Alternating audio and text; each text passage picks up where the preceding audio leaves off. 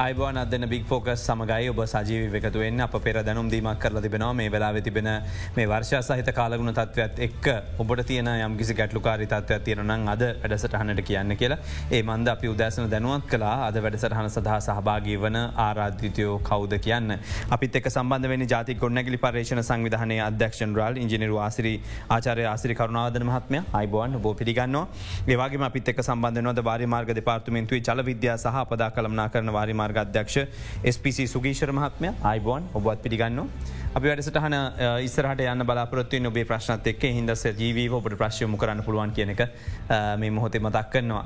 දැනට නායම් ස්ථාන සම්බන්ධය මුලින් ඔබතුමාගේ පැහදිලි කිරීමක් කර ගැනීමට අවශ්‍යයි ඔබතුමල සාමානෙන් රතු වාර්තා හදලතිනෝ කලාප නම් කල තිබෙනවා මේ නායම් සියල්ල අදවනට වාර්තාවන සියල්ල සිද්ධ වෙලා තිබෙන්නේ අදාළ කලාප තුළද ඉන් පරිබාහිරවත් තිබෙනවාද.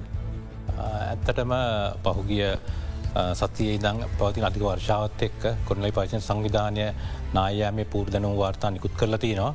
විශේෂයම මේ වර්ෂාව දැඩියෝ බලපෑවේ ගාල්ල කළුතර කෑගල්ල නුවරේලිය රත්නපුර දිස්ත්‍රික්කවලට තකොට ඇත්තරම අපි රතුනිවේද නිකුත් කරලා තිබ්බා. කෑගල්ල නුවරේලිය කළුතර ගාල්ල දිස්ත්‍රික්කවලට මේ අතරින් ඇත්තටම අවාසනාවන් සිදුවීමක් සිදුවනේ කෑගල දිස්ත්‍රික්කේ වර්ක පොල තුම්ලි ඇත්තු කෙන ගාමේ මෙතනද ඇත්තටම ඒ ගෙදරට පස්කන්දයක් කඩා වැටීම හින්දා ජීවිත දෙකක් ප්‍රහිමුණා. මෙය කලාපය මෙම ඇත්තට මෙ නිවස පිටල් තින නායෑම් අධ්‍යවධානම් කලාපයක නෙවෙයි. නායෑම මතාදාන කලාපකත් නෙවේ මේක සාමාන්‍ය ප්‍රදේශ පිටල් තියන්නේ. මුත් මෙතන ඉදිකිරීමත් එකතුන් ප්‍රශ්නයක් ඉද තම මේ කන්දි කටමටල තියන්නේ. ඇති මේ වගේ සිදුවීන් තමයි වැඩිහරයක් වාර්තා වෙලා තියන්නේ. අපි රතු නිවේදනෙකුත් කර පුරදේශල් ජනතාව අයින් වුණා. නමුත් වැඩිපුර පුද්ගල හානි වෙලා තියන්නේ හා දේපලහන් වෙලා තියන්නේ මේ ඉදිකිරීම් හා සම්බන්ධ ගැටලු. විශේෂයෙන්ම පැති බැමි ඒකාවට අපින රිටේනිං ඕල් ඒගාවට ඉවරු ආශ්‍රිත අස්ථාවරයක තම වෙලා තියන්නේ. විශේෂම රත්නපුර දිස්ත්‍රික්කේ ඉතාමත් මහිතන ඉවරු කඩා වැටියුම් සෑහන් ප්‍රමාණයක් වාර්තාවලා තියන ඒගට කල්ත දිස්ත්‍රික්කේ අති මහජනතරාල ඉල්ලා සිටින්නේ. දැ මේ වර්ෂාත්තෙක් අපි විශාල ප්‍රමාණය නායෑම්නය දකල්තියන්නේ නමුත් ලට අපි කියනවා ඒක ලෝකලයිස් ශෝප් ස්ලෝප් පේලියස් කියලා. ඒ තමන්ගේ ගෙවල් ඉදිරිපිට වගේ තියෙන පොඩි සුළු කඩාවැටියන්ත වෙලා තියන්නේ. දැනටත් ගොඩනලි පරිසි සංවිධානය නායම් නිකුත් කිය නිකුත් කල තියෙනවා. ඇත්තරම දැන් වර්ෂාපතන් තත්ව යම්කිසි අඩුවීමක් එක් දැන් රතුන වේද දැට ඉවත් කල තියන්න අපි. දැන්ටති නායම් දෙවනි අදිරය නිකුත් කිරීම. එතකොට ගාල දිස්ත්‍රික්කයක් මීමනහා කඩවස් අතර ප්‍රාදේශලිකම් කාර්යාලටත් කල්ත දිස්ත්‍රික්කේ පාලින්දනුවර ඔලල්ලාවිට දුඩංගොඩ ඉංගිරිය උලත් සිංහල කියන ප්‍රාදේශලිකම් කොට්ටාශවලටත් නායමේ දෙවනි අදර නිවද නිකුත්කල් තින ඒක්ම නුවර දිස්ත්‍රික්කේ අඹගමුව කියන ප්‍රාදේශලකම් කොට්ටාශයට දෙවනි අදීරය නිකුත්ක නිකුත්කල් තින ඊට අමතරව ගාල කළුතර කෑගල දිස්ත්‍රික්කොල් නායමේ පලවෙනි අදීර දැනුන්ගින්ත නිකුත් කල තින්නේ මේ අතරින් ඇත්තටම අර පහු වර්ෂාපතන තීවර වන පහුගිය මංහිතන් දවස් හතර කලින් පිරතු නිවද නිකුත් කරලා යම්කිසි පවල් ප්‍රමාණයක් ඉවත් කරන පුළුවන් වුණ ති මේ ඉවත් කිරීමත් එක් ඒ සමහර්සිදුවීම ඇති වුණ ඒ ප්‍රදේශල්තුන් ජනතාවට සුරක්ෂිත කරන්න මේ පුළුවන්කමට ලැබුණ මේ සිදුවීමත් එක්කම. අපි ගත්තොත් නැ මේ තියෙන ප්‍රශ්නත් එක්ක ජලය සම්බන්ධයෙන් පශ්නත් එක්ක තහ මේ ඔක්කොම දේවල්ටික එකින් එක බැඳෙන්නේ. ඇබැයි දැ මේ වාර්ෂික වර්ෂාපතන තත්වය සම්බන්ධයෙන් ගත්තම අපේ තත්වයට වඩා මේ බාර වර්ෂාපතන ඉහලම පෙන්නුම් කරන ඇතැන් පැතිවලට මිනිට දෙසීයට ආසන්න වැසි ලැබිල තියෙනවා. ඒගැන ජලාශල ප්‍රධාන ජලමට්ටම් කොයි වගේ තත්වයකද මේ වෙලා වෙතියෙන්නේ. ඇත්තරම පහුගේ දිනවල විශේෂම මේ මාසේ මුල ඉඳලම වාර්තාවෙච්ච අධික වර්ෂාපතනය වැඩිපුරම වාර්තාවනේ පහල ප්‍රදේශවලේ. ගම් පහ කොළඹ කළුතර සහ ගාල්ල දිස්ත්‍රිකත් මාතර දිස්ත්‍රික් ඇත්තමයි අධික වර්ෂාපතනය වාර්තාවනේ පසුගිය දින දෙකේ වාර්තාවනේ ගාල දිස්ත්‍රික්කින්.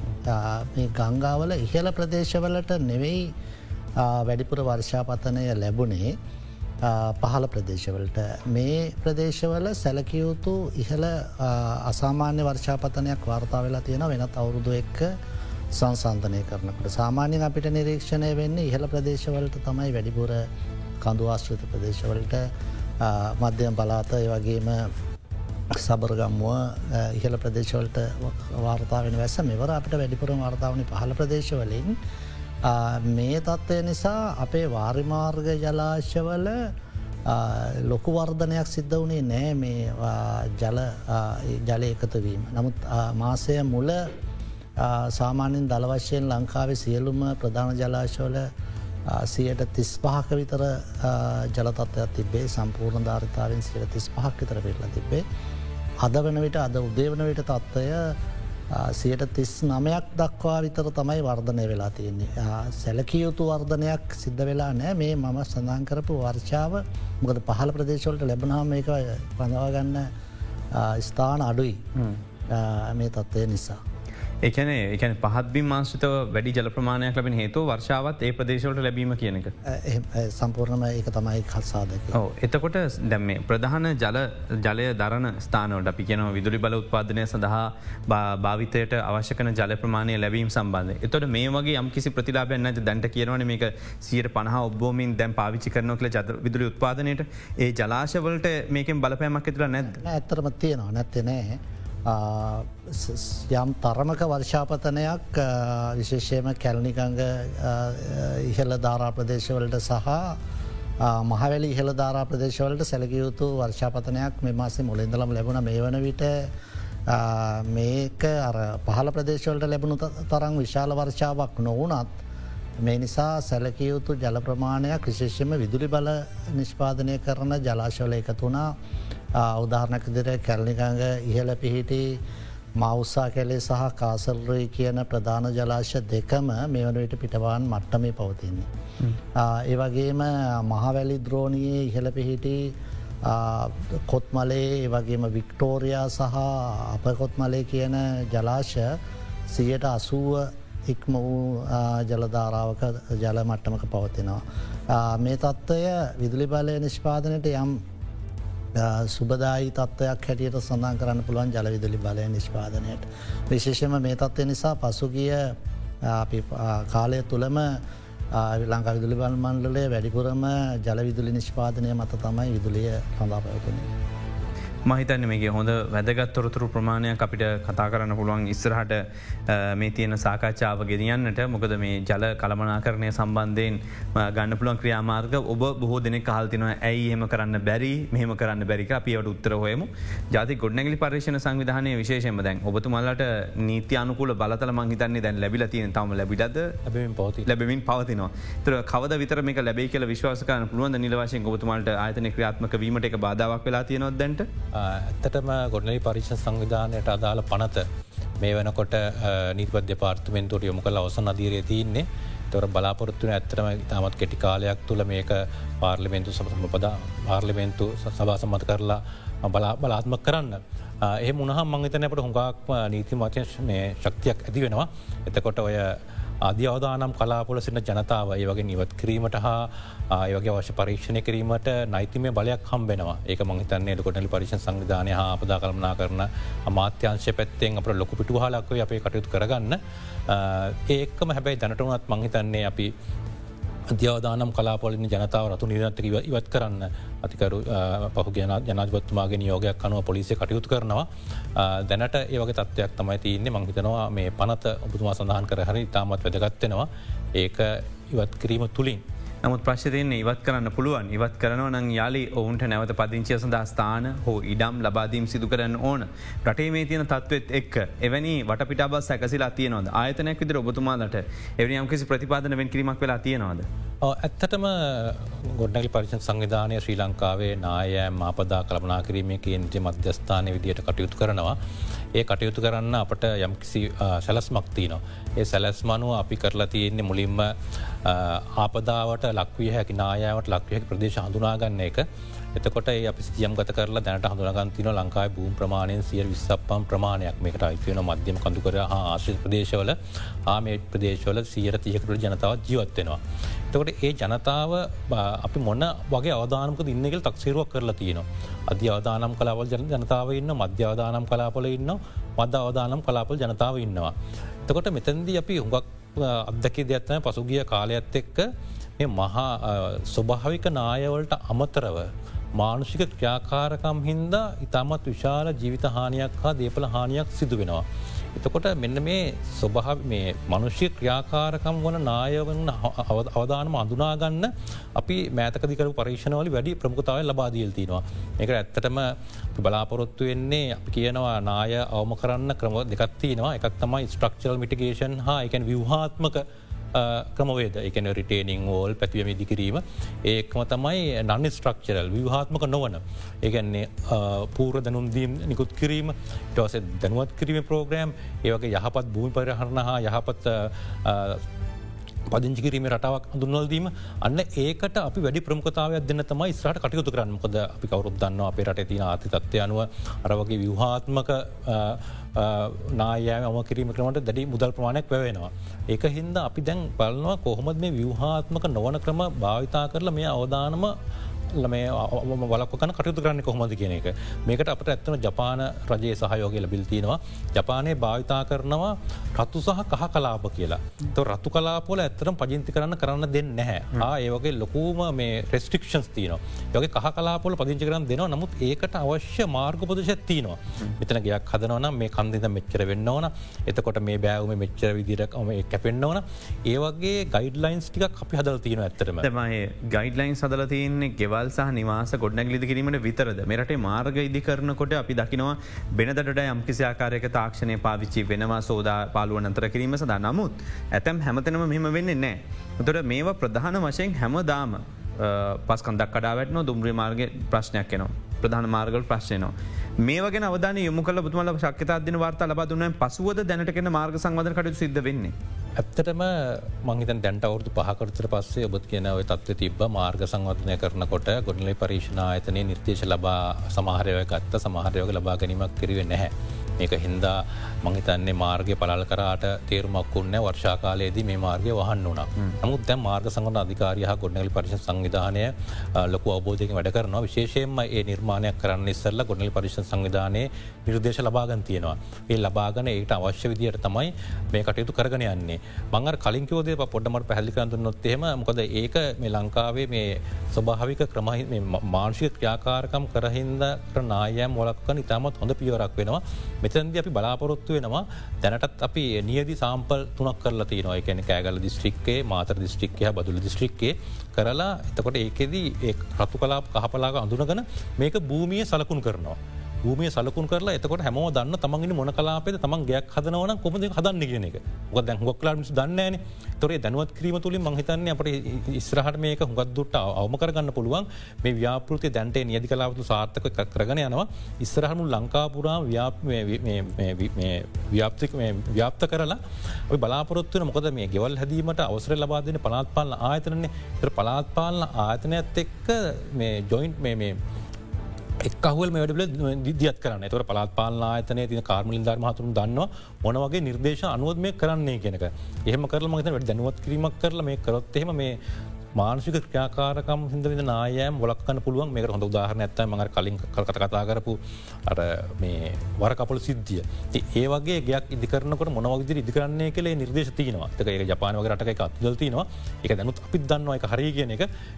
ජපාන විදිරට අපි ලංකාවදිට වෙනස් කරමයක වෙනස් කරල ඉතා සාර්ථකව ඉස්්‍රහර්මය කරන බලාපොරොත්තු වෙන ඒ කරන බලාපොරත්තුනා මංහිතනවා ඒ ලෝකල් ඔතෝටිත් එක් පාම පලාත් පාල ආයතන්තෙක් මේක ඉතාම සහයෝග ක්‍රියාත්ම කරන්න පුළුවන්. ඒවගේම විශාල විශාල ප්‍රමාණය සමුන්න ව්‍යාපෘති ඉදිරි කරනකොට විශේෂයෙන්ම මාර්ග පුළල් කරනකොට අලුත් මාර්ග කරනකොට ඒවගේ විශාල ප්‍රමාණය ජල ව්‍යාපෘති ඉදි කරනකොට ගොඩ්නලි පරිච සංවිධානයේ අනුමැතිය ලබා ගැනීම දැන්ට කරන්න මංහිතන්නේ කර අවබෝධ ගියසුම් මගින් නමුත් ඉස්රහට මංකුවර ඇට්ට එක ආවහම ඒ අනිවාර් වෙනවා එතකොට මංහිතන්නේ මේ තත්ය හොගත්තුට අපට පාලනය කර ගැනීමට පුළුවන් වේ කියලා බලාපොරොත්තුවෙන. තැන් ලංකාවේ ජල ජල මුලාශ්‍ර සහ මේ ගංගා ද්‍රෝණි පිළිබඳ බලන්නකොට. ප්‍රධාන ජලාශ එමනත්තම් ප්‍රධාන ගංගා ඔයවල් එකසිය තුනක් එක්ක බොහොම ලස්සන සිතියමක් තියෙන ලංකාව බලන්නකොට. තර ඔබතුමා ජල විද්‍යාව සම්බන්ධයෙන් වන අධ්‍යක්ෂරෙක්. මේ ජල විද්‍යාව අපේ මුතුන් මිත්ත ඉඳලා බොම පැහැදිරිව දැනගෙන ලස්සට හසරපු විද්‍යාවක්. ඇයි අපිට බැරි තොද ලංකාවේ වැඩිපුරම ජලය අරගෙන යන කළුගඟ වගේ ජලගෙනයන ස්ථානවල ඉඳලා.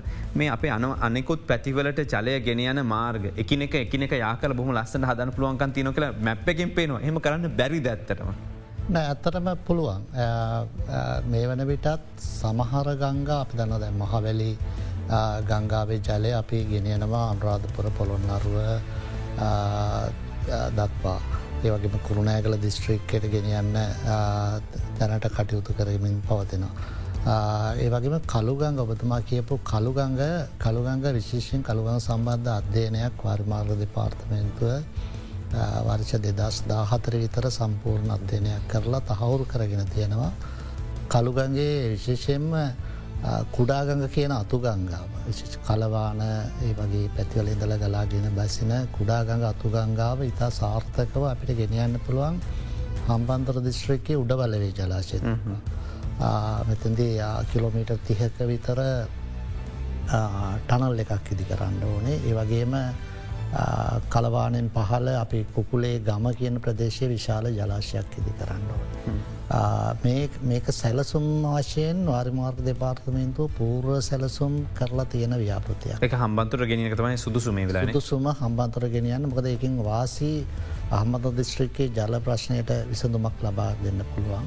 අනිත් කාරණය අපිට ඔයබුලස් සිංහල පැත්ති තියෙන ගංවතුරට සැලකිය යුතු සුදුමල් ලබා දෙන්න. මුල සිංහල වලල්ලා විට මේ දක්වා මේ සියලු ප්‍රශ්නය විසදන එතන කරන්න ඒ වගේම පුකුලේ ජලවිදුලි බලාගාරය විදුලි බල නිෂ්පාදනය වැඩි කරන්න පුළුවන්. එතකොට මේක හැබැයි විශාල මුදල් වැෑවන ව්‍යාපෘති. නමුත් වාරිමාර්ග දෙපාර්තමේන්තුව මේ ව්‍යාපෘති ඉදිරියට ගෙනියන්න සූදානමින් ඉන්න මේ දවස්සල අපි කටයුතු කරමින් ඉන්න මේක සම්බන්ධින් පූර්ණ අපේ ප්‍රීපිසිබිලිටි ස්ටඩි කියන එක තමයි කරලා තියෙන කියන පූර්ව සක්්‍යතා අධ්‍යයනය. දැන් අපි උත්සාහ කරනවා පූර්ණ සක්්‍යතා අධ්‍යයනයක් සිද්ධ කරන්න. මේ වගේ කාරණාව සම්පූර්ණ හම්බන්තුර දේශගුණය වෙනස්කාන්න පුළුවන් අවශ්‍යරන්නේ ලොකු ප්‍රමාණයකට දැනෙන වෙනසක් කරන්න පුළුවන්. දේශගුණය නෙවෙයි ඇත්තටම.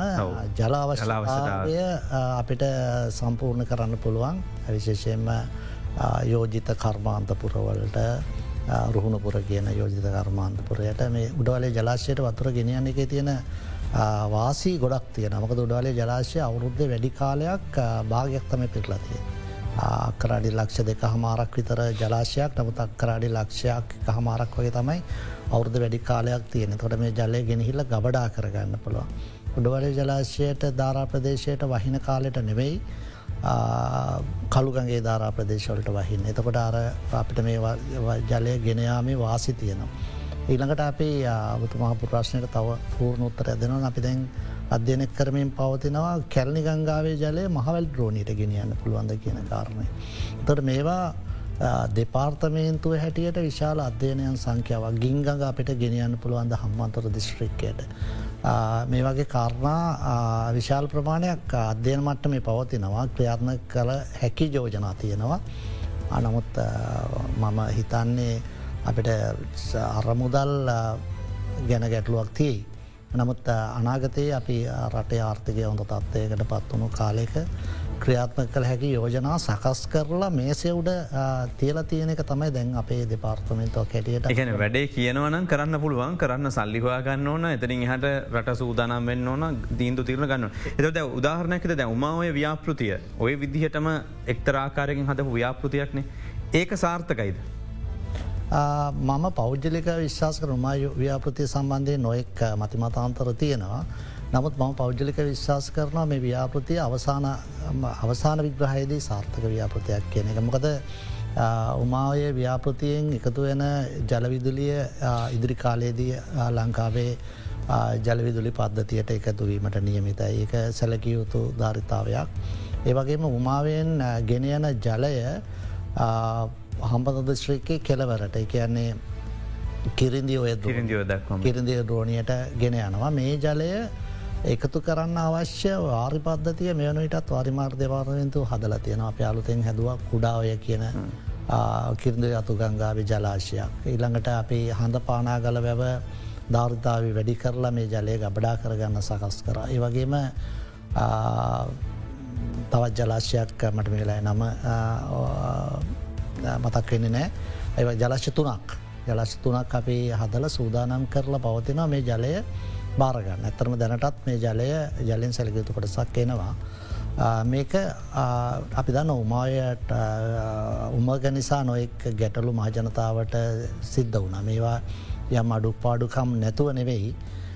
නමුත් ඒ ගැටලුත් වලටත් සාර්ථක විසඳුම් මේ වන විට සකස් කරලා යෝජ ක්‍රියාත්ම කරගෙන පවතිම නමුත් ඉස්සර තරන් කෑගෙහු තරම් මේ වෙනුවෙන් මහජනතාව හඬන ගන්න නැත්තම ප්‍රශ්නය විසඳීගෙන යන විශේෂම ටනල් එහෙක තියෙන විශේෂත්වය තමයි ටනල් එකක් හදන කාලේ විශාල ගැටලු මතුවෙන්න පුළුවන්. නමුත් ටනල් එක ක්‍රියාත්මක වෙන තත්වයට පත්වන කොට මේ ගැටලු ක්‍රමයෙන් අවම වෙලා අවසාන විග්‍රහයේදී මේ ගැටලු සැලකයුතු මට්ටමින් පහලට යනවා කියන එක.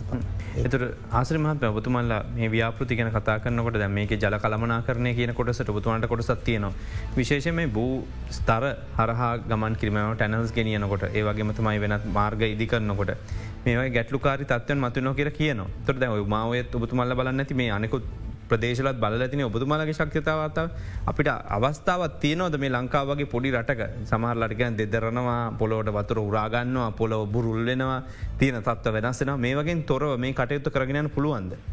පැහැදිලිවම මහිතන්නේ එකට ඕනම භූෂමතා තත්ත්වයක් යටතේදී ඒ පරිසරයට අවමහානියක් වන විදියට කොහොමද කරන්නේ කියනක තාක්ෂණය දියුණුලා තියනවා. ප්‍රශ්නය තමයි ඒ සාක්ෂතා හා භූ පරීක්ෂණවලින් නිවැරදි තාක්ෂණය අඳුන ගන්න ඕන. තිමං අපි දන්නවා අවමාවේදී මුල් අවදයේදී මේ ප්‍රශ්නයක් ඇති වුණා ඒ පාවිච්චි කරපු ඒ ටල් බෝරි මෙතඩ්ඩ කියන එක නමුත් පහුක එක් මේ මගේ තනක නිවැරදි කර තකට ඇත්තටම ඒ අනලක යන්න ඉස්සරලේ ප්‍රදේශය තියන පැළුම්ටි ඔක්කොම අපි සීල් කරනවා. එතකොට එහෙම කරලා තමයි මේක අපි මංහිතන් තැම් ප්‍රකුත්තත් ඇවිල තින්නේ ගොඩනලි පරිච සංවිධානය උමාවය ඒ හානිය උනයි පස්ස ඇත්තර අපිට ඔස්ථාල් ලැබුණ මේ හානිය උනේ කොහොමදහ ඒ හානිය ප්‍රතිපූර්ණය කරන කොහොමතික වාර්තාවත් දෙන්න. තවට අපි සවිස්තරාද අධ්‍යයනයක් කරලා යාපෘතික කාරයාලත් එක්ක. දැන්වෙනකොට මංහිතන්නේ අපේ ඒ අපි ඒක මොන්ට කරනවා මේ අධ්‍යයනය කරනවා. ඒ සියල්ම ගිලා බැසීම් තත්වය දැම් පහවල තියනවා ඒකන්නේ හරි විදිට ඒ නල්ක සිල්වල් තියනවා එක තමතුම ප්‍රකාශ කරේ. කන්ස්ට්‍රක්ෂන් ඒකැන ඉදිකිරීම් කාලයේද ජම්කිසි ප්‍රශ්නකාර තත්වයක් ඇතිවෙන පුළ හැබ ඒ ප්‍රශ්නකාරී තත්ත්වයත් නිවැර්දිය අධ්‍යනයක් තුළින් බලක්ව ගන්න පුළුවන්. අර අපේ සමහර ව්‍යාපෘති තියෙන ඇත්තටම ඒ අපි ව්‍යාපෘතිය ලොක වියදමක් වියදන් කරනවා. මුත් ඒකට අවශ්‍ය ඉන්වස්ටිගේෂන් හා ඩිසයින් එකට එච්චර කාලයක් වියදන් කරන්න නෑ කාලයක් හමුදලක් විදන් කරන්න නෑ ඒක ප්‍රතිවල් තමයි මේ වගේ දේවල් වෙන්නේ. තින් නමුත් ඒකෙන් වන පරිසරහානය හා සමාජය හාන ඉතාමත් වැඩි. ති මේ වගේ ව්‍යාපෘතියක් කරනකොට ඕනම බූද්‍ය තත්වයක් ඇති කරන්න පුළුවන්. හැබැයි නිසි අධ්‍යයනයක් කරලා ඒක තියන මොනවද වෙන්න පුළුවන් ප්‍රශ්නකාරි තත්ව හඳුනගන ඒක විසඳුල භාගනය තමයි කරන්න ඕන. විශේෂයෙන්ම දැන් අපි තව පොඩක් හට ගියොත් එහෙම ඔබතුමා කිවෝගේ ලංකාව විධ භූෂණ තත්ව තියෙන පුළන් විශේෂයම මාතල හිඟුරක් ගොඩ ඔය ප්‍රදේශවලට යනකොට සුදුග ආශ්‍රිතව තියෙන භූ පැල්මක්. ඒ භූ පැල්මත් එක්ක ඇත්තටම ඒ හරි භූ හේතුව තමයි අරතියන්නේ මව් පාශානය තින් හුණුගල්ලගේ පාශානය තියක කුහර තියෙන්න්න පුළුවන්. මේක අඳුනගන මේකට අවශ්‍ය අත්තිවාරම් ෆෞන්ඩේෂනය මොකක්දකල් තේරුම් ගත්තොත් එහෙම ඒ වෙන හානියකට වලක්ව ගන්න පුළුවන්. ඒවගේම තමයි කොළඹ ආශ්‍රිතව තියෙනවා වගුරුබි ඔය හුඟක් අය අපි දන්නවා මේ ඔය ඉඩම් ප්‍රම අපි රෙක්ලේම් කල විකුන්නවා උඩින් පස්තට්ටු අදදානවා ගේ හදනවා.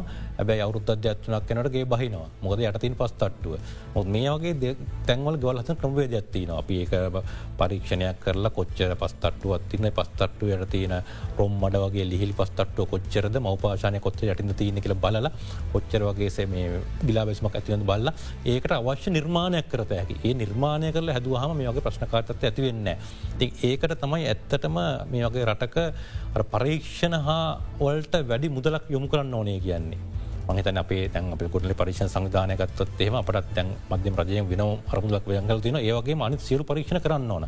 ගොඩ නැගලි පරීක්ෂණයට අවශ්‍ය ගොඩ නැගලිවල අපි කියන එක රෙස්ලියන් බිල්ලින් කියල. ගොඩ නැගලිවල කල්පවත්මට අවශ්‍ය පරීක්ෂණ කරලා ඒ පරීක්ෂණවල අනුව ඩිසයින්යක් කරලා ඒ ක්‍රම කරගත් එහෙම මංහිතන්නේ ඒකෙන්ට වැය කරන මුදල ඉතාමත්ම ලාබදායි වෙන ගොඩනැගිල්ල ඉදිකර පස් වෙන හානි වලක්වනට අමතරන්න. ඒවගේ දෙව ඇත්තන ගොඩල් පරිශ සංවිධානය විසින් මෑතකදි කරන යනවා. උගක් අපි මේ කැන දැන් අපට ඔබතුමා දන්නවා මේ තින ආතය තත්වත් එක්කර පිටටින් බඩු ගැනීමේ තහනමත්ති න එතකොට ගොඩ ලිදිකිරීම ශේත්‍රය ප්‍රශ්නයක් කලාත්ම සමහර අමුද්‍රව්‍ය හා සමහරදව තිනම කරගන්න බැරි තර ගොඩලි පච සංවිධානද මූලිකත්වයරන් අන්න ඒ වගේ මොනවගේ අමුද්‍රව්‍ය දපට මේ ගැන මොනවගේ දේවල්ද මෙහේ නිර්මාණය කරලා ඒ අඩුව පුරුවන්න පුළුවන් කියෙන ඒ පරීක්ෂණ කිය කොනි පලි සංවිධාන කරලති න මගත ඉස්රහට අපි ඒකට මුණ දෙන්න ඒවගේ පරීක්ෂණ කරලා ආපදාර ඔරොත්වෙන ගෙවල් ඒ භූෂමතාවට ඔරොත්තු දෙන නිවාස ඉදිකිරීම් කරන්න ඕන මේක ගෙවල් ොලිත රක්නෙවේ මාර්ග සංවර්ධනයට වෙන විශාවි්‍යාපති හැමදේට අපම තන ඉදිරියට කරන්න බලාපොරොත්තු වන කරන්න කළ යුතු දෙයක් වෙනවා. අපි විරාමකට යොමු වෙලායින් මේ අද දෙරන බික් ෆෝකස්. අද දෙරන දහවල් දොළහට.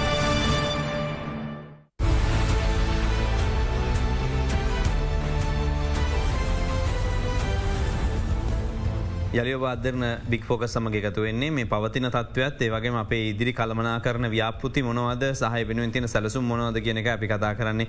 විශේෂම මේ ඇතුලා තිබෙන කාලගුණ යහපත් කාලගුණ තත්වත් එක් අපිත් එක සබඳලයි වාරි මාර්ග දෙපාර්තමේන්තුවේ ජල විද්‍යා සහ අපදා කළමනා කරන වාරි මාර්ග අධ්‍යක්ෂ සුගීශර මහත්මය.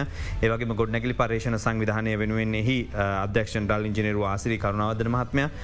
අපි මේ සාකච්ඡාවේ එකතනකට අපි ඉස්සරහට කරන සැලසුම්මගේ දෙවල්ගෙන කතා කලා හැබැදැන් මේ ගෙවා නිවා නිවාස ඉදි කරනකොට අපි දකිනවා ගොඩක් කලාට පුතුමල් ඇවිල කියන පැති බැම ඉදි කරන්නට ඕන අනිවාර්යම නායම් සදු කරන්න බැක් ගල් වැටි දමන්න වගේ දේවල උපදෙස් ලබාදනවා.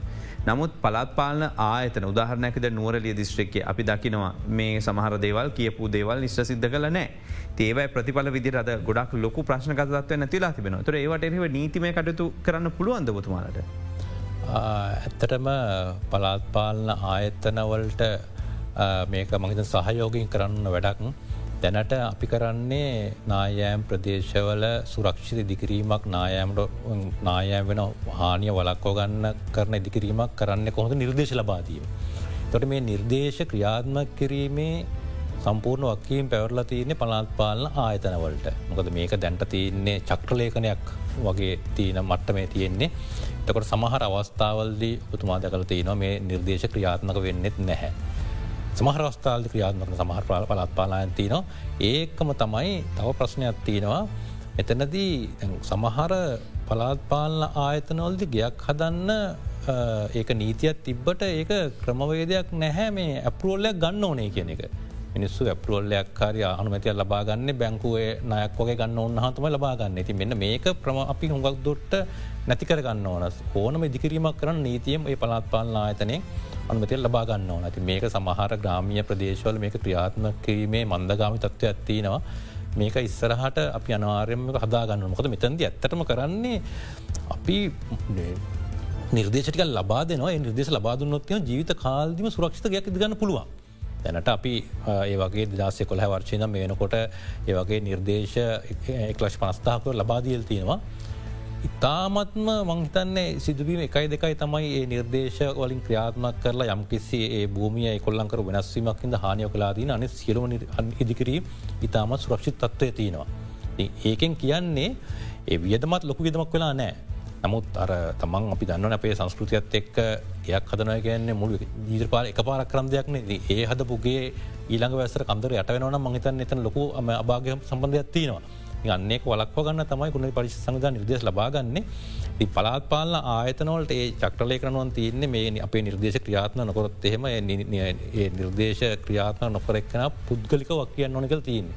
හැබැ මේක චක්ටලේකනය ති මංහිතන අර කලින්කුව පනත් සම්මත වනහම මීට මීට වඩා නයිතිමය වගකීමක් තිය මේ කරන්න. මගතන ඒකත් එක් තමයි වෙන්න ඕනේ. හැබයි මේ අනි පැත් තමයි මගතන කොච්චර දිති බත් දක්න මිනිස්සුන්ට එබිලු අවබෝධ නැත්තා ඒක හින්ද තම අපි කියන මේක අර මංස්සර කිව් කියපු පලාත් පාල ආතනත වැඩිබුල ගෙනියන්න ඕන. මේක මේ කොහොමද මේගේ දෙයක් කරන්නේ කියලා පලත් පාලනාචන කාරම නිල්ධාරි ඉංජිනවරු දැනුවත් කරලා ඒ දැනුවත් කිරි මහජන්තාවතට ගෙනියන්න ඕන. ති මෙතැදි මහිතන්න අපතා කරමනා කරන මධ්‍යස්ථානය කොඩනි පචන සංවිධානය පලාත් පාලනා ඇතන එක්කහු වෙලා මංතන් ලොක් වැඩ පිලක් ස්රා කන බලාපොරොත්තු වෙන විශේෂයම දැනුවත් කිරීම තුළින් මේ නායෑම් අවධානම අවගෙන කොහොමද ගෙන එක එක එක පියවරත්තම යොය යහපත් භූමි පරිහරණ රටාවල් හා යහපත් මානෝ ජනවාශි දිකිරීම රටාවක් කරන්න කොහොමද කියන එක. ඊට අමතරව මංහිතනවා ඔය දැන් අප දැන්ට කියරනවා මේ නාය පූර දැනුන්දීම් නිවෙන් නිවද නිකුත් කිරීම. මේක වනත් මඟ සමහර වෙලාවට ඒ දැනුවත් කිරීමේ නිවේදන මහජනතාව අතර ලැබීමේ යම් කිසි දුරතාව ඇත්වන ඉස්රහට මේකත් බලාපොරොත්තු වෙන දැන්ට මහිතන්නේ නවීනක වැඩිලක් යනවා. මේ වැඩිල ක්‍රියාත්ම කිරීම තුළින් විශේෂෙන්ම මේ සොෆ් මිටිගේෂන් විවාත්මක නොවන්න ක්‍රම ප්‍රවර්ධනය කරලා මේ වන හානි වලක්වා ගන්න. විශේෂයෙන්ම පුද්ගල හානි හා ජීවිත හානි වලක්වා ගැනීම එකෙන් බලාපොරොත්තු වෙනවා. මේකට නීතිමය පැත්තිෙන් ඇත්තටම මංහිතනවා අපි ඒ පනත් බලාත්ම කරන ගමම්ම මහජනතාව දැනුවත් කිරීම තුළින් මේ කරගන්න ඕන. ඒක මේකට දැන් මහිතන්නේ අපදාකරනක මධ්‍යස්ථාන තුළින් පාසල් මට්ට මේක දැනුවත් කිරීම කරගෙන යනවා. ඒකම් පාසල් විශධාරාර්මය අනුබද්ධ කරලා තින ති මේ සියල්දයවලින් බලාපොරොත්තු වෙන්නේ මේ ආපදාවත් එක් ජීවත් වෙන්නේ කොහ ක්‍රමවේද ස්්‍රාර්ගනයන්ත බලාපොර එතකොට දැන් මේට මුහදට බැහලයන දැන් වෙදරට වැස්ස අපි දකින්න පොලොට උරන්නවත් වෙලාවන්න හැම ගේකම හොඳ පද්ධතියක් හදාගන්න උත්සාගන්න වතුරටික එලියට යවාගන්න. මේක හොඳයිද දිගු කාලීනව නැත්තන් නරකයිද. ඇත්තරම මේක ක්‍රමාණුකූලව කරයුතු දෙයක් අපි භූමී පරිහරණ රටාවර ඩොක්ට ආසිරිකිව් වගේ එක තමත් වැදගත්. අපි උදාහනකසියෙන් ගඟක ඉහළ ධාරා ප්‍රදේශවල විශාල කර්මාන්ත පුර වගේ දේවල් ඉදිකරන කොට භූමිය ගානකසියෙන් භූමිය අපි කොංක්‍රීට් කරනවා කියලා පිහිතම නැතන් ගොඩනැක ඉදි කරනකොට වහලවල්ලට එකතු වෙන ජලය කෙලින්ම පොලොට උරා ගැනීමක් නෑ අපි ගලා යන්න එකතු වෙනවා. කොංක්‍රීට ස්තර හරහා ගලාගෙනන ජලය ඉතා අධිවේගෙන් ගලාගෙනෙනවා ගඟට. මේක අපි හොඳ තත්ත්වයක් කියලා විශ්වාස කරන්නේ නැහැ මේ මොකද ස්වාභාවික තත්වයෙන් ගොඩක් ඈතට යනවා අපි. මේක හේතුවෙනවා ගංගාවල පහල නිම්නවල ගංගතුර තත්ත්වයන් අධිකවීමටත්. සාමාන්‍යයෙන් අපි හොඳම තත්ත්වය හැටියට සලකන්නේ පොළොවට ගලාගෙනන පොළොට ලැබෙන වර්ෂාව භූමියයට ලැබිලා පොළොවට කොටසක් කුරාගෙන කොටසක් ජලමාර්ගවලට එකතු වෙලා මේක යම් පාලනයකින් යුක්තව ගලාගෙන ඒම. හැබැයි මේක අනිත් පැත්ත මේක නායා මධ්‍යවාවදානම් කලාපවලදී තත්ත්වය වෙනස් වෙන්න පුළුවන් අපේ ආචාරය ආසිරි කරුණාවදර මහත්ම පැදිලි කරයි. නමුත් ලංකායි භූමියෙන් ගංගා ද්‍රෝණිවල ඉහල නිම්න හැම තැනම අපදා නායම් මෝදානම් කලාප නෙවෙයි. මේකේ අපි කියනවා නැචුරල් ට්‍රීකව. එතකොට ඒ වගේ විශේෂෙන්ම තේ වගාව වැඩි වගාවන් අප පාවිච්චි කරන්න පුළුවන්. මේ කාරණය සඳහාම වගාව කරන ගමම්ම පාවිච්චි කරන්න පුළ අපි දන්නා ඉස්සර අතීතයේ තේවගාව තේවාගා භූමිවල හොඳ කානු පද්ධතියක් තිබා මේ ජලය පොළොවට උරා ගැනීම සඳහා නමුත් මේ කානු පද්ධති ක්‍රමයෙන් ගොඩ වෙනකොට නඩත්තුව යම් ගැටලු සාගත තත්ත්වයන් ඇතිවෙන්න පුළුවන් සමාරයට සමහරවතු හිමියන් නිවැරදිව මේ කානු පද්ධති නඩත්තු නොකරොත්. මේ ජලය පොළොවට උරා ගැනීම අඩුවෙන්න පුළුවන්. මේ වගේ තත්වයනොත් ගංවතුර තත්ත්වයන් අධික වෙන්න හේතු වෙන්න පුළුවන්. ඒවගේ හැබැ නාගරික ප්‍රදේශවලදී සමහර රටවල් වල මේ කෘතිීමව මේ පොළොව ජලය පොළොවට උරා ගැනීමේ ක්‍රමවේද සකස් කරන උදානද ජපානය වගේ රටවල් වල පොළොව කොංක්‍රීට් කරන මිශ්‍රණය කාපාක් වගේ රතා ගාල් වගේ ස්ථානවල මේ මිශ්‍රණය පොළොව ජලය පොළොවට උරා ගැනීම සඳහා අවකාශ ඉතුරි කරලා කරනවා. ඒ වගේම නිවාසවල නාගරික නිවාසවල වහලෙන් එකතු වෙන ජලය පොළොව යට ටැංකවල ගබඩා කරගන්න ගබඩා කරගෙන සමහර ගුරහස්ත කටයුතු සඳහා භාවිතා කරනවා. මේ වගේ ක්‍රමවේද පාවිච්චි කරනවා මේ ගලනයට එකතු වෙන ජල ප්‍රමාණය අඩු කර ගැනීම සඳහා. හොයි. අපි කෙටි විරාමකට අලිත්‍යයම වෙලා නම් අද දෙන්න බික් ෆෝකස්.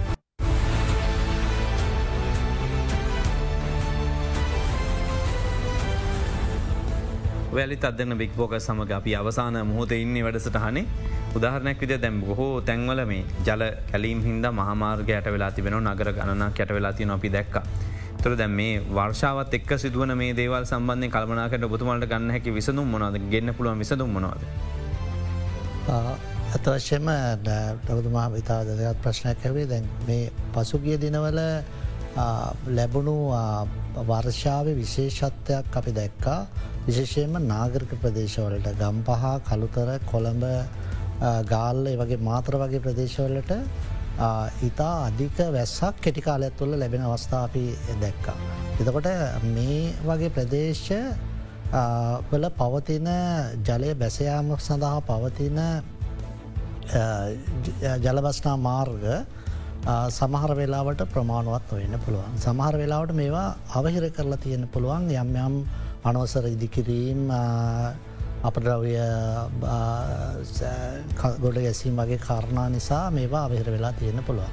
මෙන මේ තත්ත්වයක් එක්ක අපි විශේෂයෙන් නිරීක්ෂණය කර විශේෂයෙන් ගම්පහ සහ ගාල දිස්ත්‍රික්කේ වගේම කළුත දිස්ත්‍රික්කේ සමහර නාගරික ප්‍රදේශ අධික ජල තත්ත්වයකට පත්වෙලා සමහර නිවාස පහත් බිම්බල තියෙන විශේෂෙන් නිවාස ජලයෙන් ඇට වෙලා. මේක ගංගාවල උතුරායාමෙන් ඇතිවෙන ගංගොතර තත්ත්වයක් නෙවෙයි අපි නිරීක්ෂණය කරේ.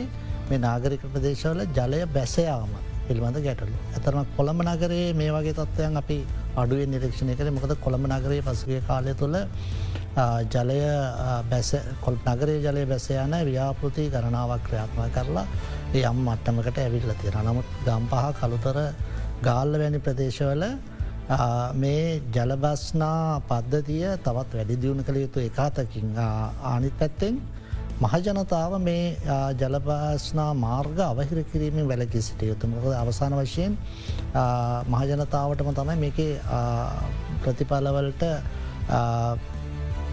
බුක්ති විඳින්න වෙන්නේ. මේ කාරණය නිසා ඉතා වැදගත් වෙනවා. ජලවස්නා මාර්ග හොඳ තත්ත්වයෙන් පවත්වාගෙන යන්න උත්සා ගැනීම රජය සහ මහජනතාව කියන පැති දෙකෙම විශේෂෙන් පළත් පාලන අයතනවලටත් සැලකයුතු කාර්භාරයක් පැවරෙනවා. ඒවගේම මහජනතාවටත් සැලගයුතු කාර්භාරයක් වැඩ පැවරනවා අපි රජය රජය නිල්ධාරින් හැටියට අපිට සැලකයුතු කාර්භාරයක් තියෙනවා මේ තත්වය සම්බන්ධයෙන් කියන කාරණය අවධාරණය කරන්න කැන. අවසාන වශය නොබතුමට මේ ලා දෙන්න තින පණවිඩේ මොකද ජනතාවට මේ අවදානම් සයිත කලාපුල ඉන්නට වගේ නායමය ලක්ෂණ තියන ප්‍රදේශල ඉන්නට සහ පොදුව ජනතාවට. ඇත්තටම අපි ඉල්ලා සිටනා පවදානම් කලා පොලිසින් ජනතාවට කොඩ්නගලි පරිෂන් සංවිධානය සහ අපදා කළපනා කරන මධ්‍යස්ථානය නිකුත් කරන නායෑම් පූර්ත නොන්දීම් වලට අනුගත වෙන්න කියලා විශේෂයෙන් රතු කලාපොලිසින් ජනතාවට අපි ඉවත්වීමේ නිවද නිකුත් කරලා තියෙනවනම් වහම එම ප්‍රදේශන ඉවත් වෙන්න කියලා. ඒකම ඔබ ඉන්න ප්‍රදේශයේ භූමිය යම්කිසි වෙනස්තකිමත් තියෙනවනම් ජල උල්පත් මතු වෙලා හෝ නැතිවෙල යනවනම් එක බොරති උල්පත් එනවනම් ඒ කොතයි පැලීම් ඇති වෙනවනම් ඔබයින් ප්‍රදේශයේ විදුලි පහන්නෝ ගස්සේම ඇලවෙලා තියෙනවනම් ඒ කියන්නේ එක නායෑමේ පූර දැනුන්දීමේ සලකුණොත් බාරගන්න පුළුවන්. මගේ තනක තේරෙන් ඕන. එක භූමි යම්කිසි ස්ථාවර්තාව ඇත්තිනවා විශේෂයෙන් අපි දැකල් තියෙන ඔය උගක් නායෑම්වලට කලින් ඒ භූමිය යම්පි සලකුණු පෙන්න්නනවා පැලීම් ඇති වෙනවා බිත්ති බිත්තිබල ඉරියනවා ඒ කොතන් ජරවල්පත් මතු වෙනවා. ඇති මේ වගේ අවස්ථාවක් දැක්කොත් එහෙම වහාම එම ඉවස්ථාවලින් ඉවත් වෙලා අප අවද කමන මධ්‍යස්ථාන තින 117 කෙන එක එකයි හත කිය දුරකතන අංක දැනුම් දෙන්න. එවනත්තම් ප්‍රදේශලයකන්තුමාර ග්‍රමසයකලකතු දැනුම් දෙන්න. දැනුම් දීලා වහාම කොන්නලි පරිෂණ නිල්ධානත ගෙන්න්න ගැන එතුමාලාගේ නිවේදන හා නිර්දේශ අනුව කටයුතු කරලා බොතුමාලාගේ ජීවිත සුරක්ෂිත කරගන්න කියනවා. ඒකම ඔබ ඉන්න ප්‍රදේශයේ කානු පද්ධති මංහිතන විශේෂම සැලකිලිමත් වෙන්න ඕන. පිරිසුදු කරලා මංහිතන මනා ජලවන් මනා ජලවහන් රටාවක් ඇතිකරගත්තොත් එහෙම මේ ආපදාවෙන්ගෙන හානිය බලක්ව ගන්න පුළුවන් ඒකම බෑවම්වලින් ජනතාව තේරුම් ගන්න ඕන මේ බෑවමක අස්ථාවර ඇතිවෙන්නේ සමස්ත බෑවමක් විදියට. ගක් කට්ටිය තමන්ගෙන් වහලෙන් වතුරටික අල්ලපු වත්තට අතාරිනවා. හිතන එතක තමන්ගේවත්ත තමන් සුරක්ෂිතය කියලා. නෑහෙම වෙන්න ඒ වතුර අතෑරීම නිද පහල තියෙන බෑව මස්ථාවරනකොට තමන් ඉහල් තියෙන නිනියසත් මේ මඟතන්නේ නිකම්ම අවදාන ලක්වෙනවා ඇති ඒක හිදම සමස්ත ඒ බෑවුමම මනා ජලවාහන් රටාවක් ඇතිකරගත්තොත් තමයි ඔකොල්ලඟ ජියස් රක්ෂිත වෙන්නේ ඒකහිද ප්‍රාදේශක වශයෙන් ගොල එක්කහු වෙලා සාකච්ඡා කරල ඒකට ගොටනි පරිශන් සංවිධානය අපද කරමන මධ්‍යස්ථාන උපදෙස් ලබාගන මේ අවධානමට සාමූයිකෝෂයෙන්ම ලක්නොත්තේම සම් සාමෝජනය මුහුණ දුන්නොත්තේම මහිතන් මේකෙන් වෙන හානිය ගොත්තට ලක්කන්න පුළුවන්.